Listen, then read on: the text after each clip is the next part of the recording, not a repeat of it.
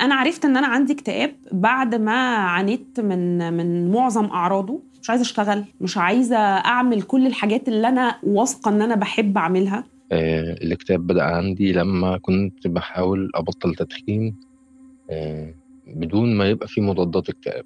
أمي تقول لي لا ما وديش دكتور نفسي ما بيه شيء انت يعني راح انت قوية. اضطراب الاكتئاب أو مرض الاكتئاب آه، مو بالسهل أبدا أنه الشخص لحاله يشخصه. لذلك آه، أكيد أكيد لازم استشاري نفسي. الاكتئاب كلب أسود. يجلس بجوار سريرنا حينا ونحمله فوق ظهورنا أحيانا أكثر. نحاول بكل الطرق إخفاءه بل وإنكاره إلا أنه قد يكون أكبر وأضخم وأحلك من كل محاولاتنا I had a black dog. His name was depression. كلب أسود. هكذا وصف رئيس الوزراء البريطاني الراحل وينستون تشرشل نوبات الاكتئاب التي كان يعاني منها. اليوم لن أتحاشى النظر في المرآة. ومواجهة كل تلك الأصوات التي تتجادل وتتصارع بداخلي طوال الوقت. أنا بحاجة للفهم وأنتم أيضا. هذه حلقة جديدة من بودكاست مرايا وأنا يسرى أمين. الشخص المصاب باكتئاب حاد يفقد الرغبة في العيش والطاقة والقدرة على الانخراط في مشاغل الحياة. هكذا وصف الكاتب الأمريكي أندرو سولومون الاكتئاب الذي عاناه بعد وفاة والدته. الاكتئاب أسوأ مرض ممكن يصيب أي إنسان. الاكتئاب مرض شائع. تقدر منظمة الصحة العالمية أن أكثر من 280 مليون شخص حول العالم يتعايشون مع هذا القاتل الصامت. وفي كل عام ما يقرب من 800 ألف إنسان يقدمون على الانتحار معظمهم بين التاسعة عشر والتسعة والعشرين. هذه إحصاءات تقريبية. الرقم الحقيقي أكبر بكثير. فدول كثيرة لا تسجل كل الحالات خاصة مع الوصمة الاجتماعية للمرض النفسي والانتحار. الاكتئاب الأعراض بتاعته بتبقى من السوء إن الإنسان بيشعر بمرارة في الحياة ورفض للحياة من شدة بؤس ما يشعر به. من أول فقدان الشغف لكل شيء فقدان الرغبة للخروج للتعامل مع الآخرين التركيز والانتباه بيفقد بصورة عالية جدا. اضطرابات في النوم قد يزيد عدد ساعات النوم بصورة مبالغ فيها وقد تقل عدد ساعات النوم. أحيانا بتبقى فيها أعراض جسمانية مصاحبة اللي هي بنسميها الاكتئاب المستتر. هذا ما يقوله الدكتور جمال فرويز استشاري الطب النفسي. لكن ليس كل شعور بالحزن اكتئابه أليس كذلك دكتور جمال؟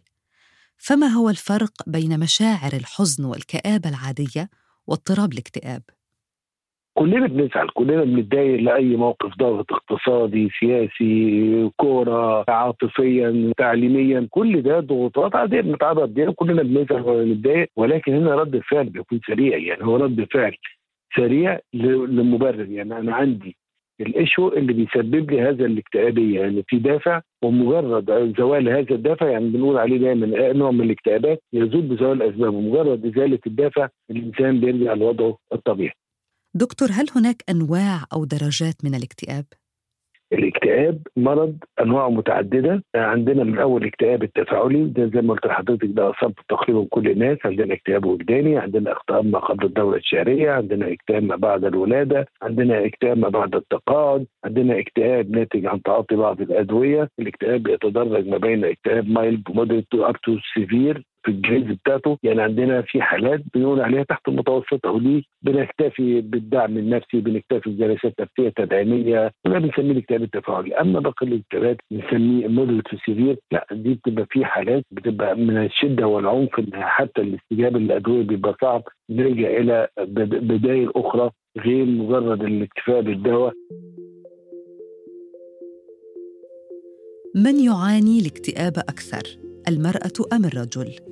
وهل يتهدد المرض فئه عمريه محدده؟ هو ladies, are you depressed? If you are, we have good news for you because a new study has proven that men are, in fact, as depressed as women, which goes against uh, almost everything that psychologists have believed. حتى في. الاكتئاب هناك جدل جندري لطالما أشارت إحصاءات ودراسات إلى ارتفاع نسب الاكتئاب لدى المرأة أكثر من الرجل بنحو ثلاثة أضعاف غير أن ابحاثا ودراسات أجراها عدد من علماء النفس بينت أن معدلات الاكتئاب قد تكون متشابهة جدا بين الرجال والنساء وأن الاكتئاب لدى الذكور يأخذ اشكالا أخرى مثل نوبات الغضب والميل إلى العدوانية والاستهانة بالمخاطر.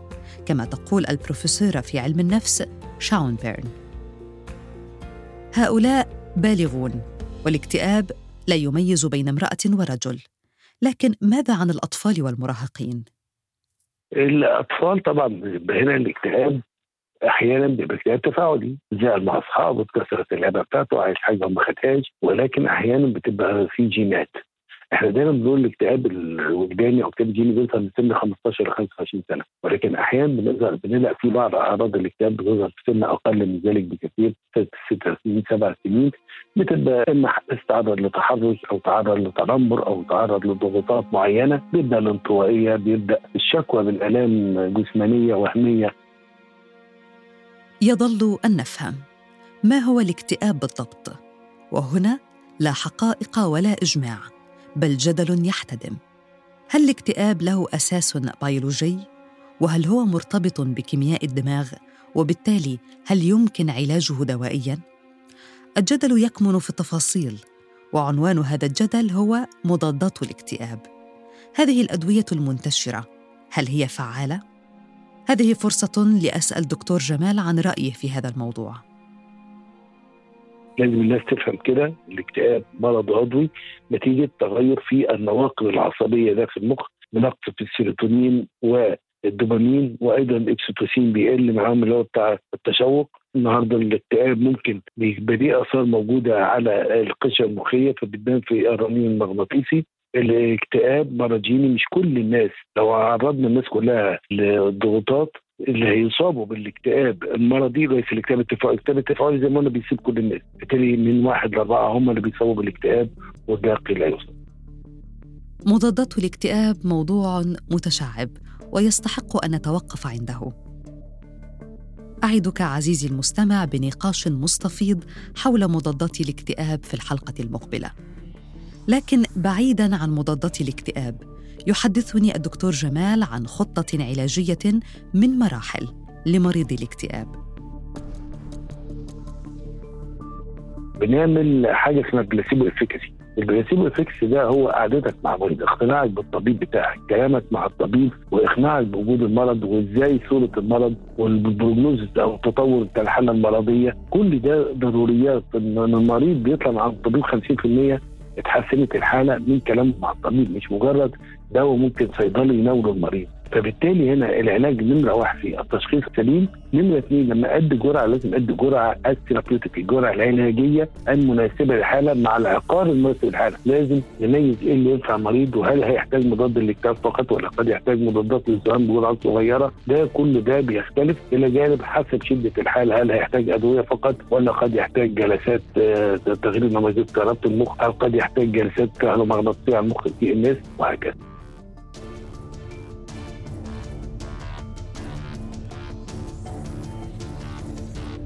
يجمع غالبية الأطباء النفسيين الآن بين العلاجين الدوائي والنفسي في مواجهة الاكتئاب. لكن كثيرين من الاختصاصيين والاستشاريين النفسيين يكتفون بالعلاج النفسي دون الدوائي. ومنهم دكتور أحمد عويني الاختصاصي بالإرشاد النفسي وأستاذ علم النفس بالجامعة الأمريكية ببيروت. دواء الاكتئاب بيطول ليعطي مفعول. دواء الاكتئاب في أدوية في عشرات مئات يمكن الأدوية يلي هي بت- بتغير بالمزاج. بس هي مثل تغيير آه، اصطناعي منه تغيير طبيعي حقيقي. اذا دكتور أحمد أنت ترفض الدواء رفضا قاطعا. فهل هذا رأي شخصي؟ أنا شخصيا ما عندي مشكل بالدواء بمرحلة أولى أو مرحلة مؤقتة. إذا كتير المريض وضعه سيء نفسيا ومحتاج لشيء كتير قوي يساعده يوقف على اجريه ما عندي مشكل بس على شرط ما يصير الدواء جزء من حياته اليومية وياخده على فترة أشهر وسنين. فأنا ما عندي مشكل مني معارض للدواء بشكل جذري بس أنا بقول ما لازم الدواء يكون هو يعتمد عليه. طبعا هيدي نظرتي إلي أنا ك psychologist إذا بتسألي طبيب نفسي بيقول لك الدواء هو الحل السحري وما في لزوم لأي شيء تاني. يفضل دكتور عويني علاج الاكتئاب في درجتيه المتوسطة والخفيفة عن طريق ما يعرف بالعلاج المعرفي السلوكي. فما هو هذا العلاج وكيف يفيد مريض الاكتئاب؟ هو يلي اكتشفه أو اخترعه هو آرون بيك كان هو طلع بالعلاج المعرفي بس شافوا إنه العلاج المعرفي لوحده مش كافي يعني ممكن أنا نظرتي لأمر اقتنع بفكرة معينة أو بسلوك معين بس لما بطبق هالسلوك بضله نظري والعلاج السلوكي وحده بفيد بس ما بيغير طريقة التفكير. فمشان هيك اندمجوا هال هالطريقتين مع بعض بشكل إنه صارت علاج معرفي يعني بنبلش بطريقة التفكير يلي لازم تترجم بعدين بسلوك بتطبيق وهيك بيكملوا بعض هن عادة بالعلاج المعرفي فعاليته سريعة يعني بظرف أسابيع ممكن يلاقي فرق كبير مرات أسبوع مرات عشرة أيام ببعض الحالات. بيلاقي فرق وبيعمل أفزة نوعية بواقعه وكثير من المرضى الاكتئاب ممكن حتى يطلعوا من حالتهم بشكل نهائي.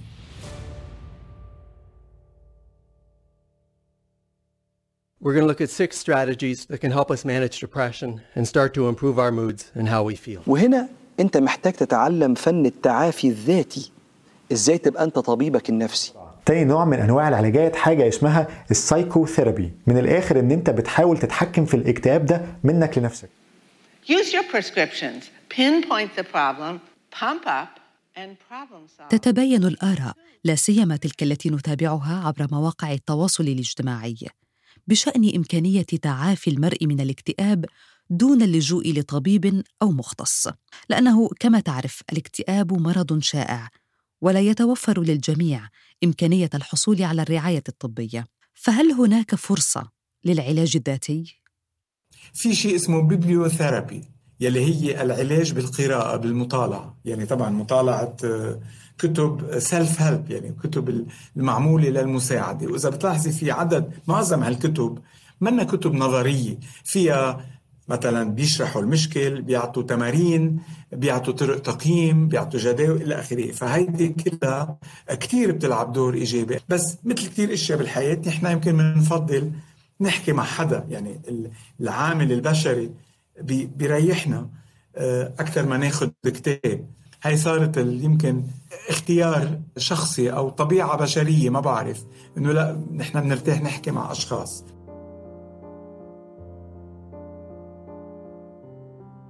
الاكتئاب كلب أسود مقيم في بيوتنا والثلاثة أرباع المرضى لا يواجهونه بالمرة. 75% من مرضى الاكتئاب في البلدان الفقيرة ومتوسطة الدخل.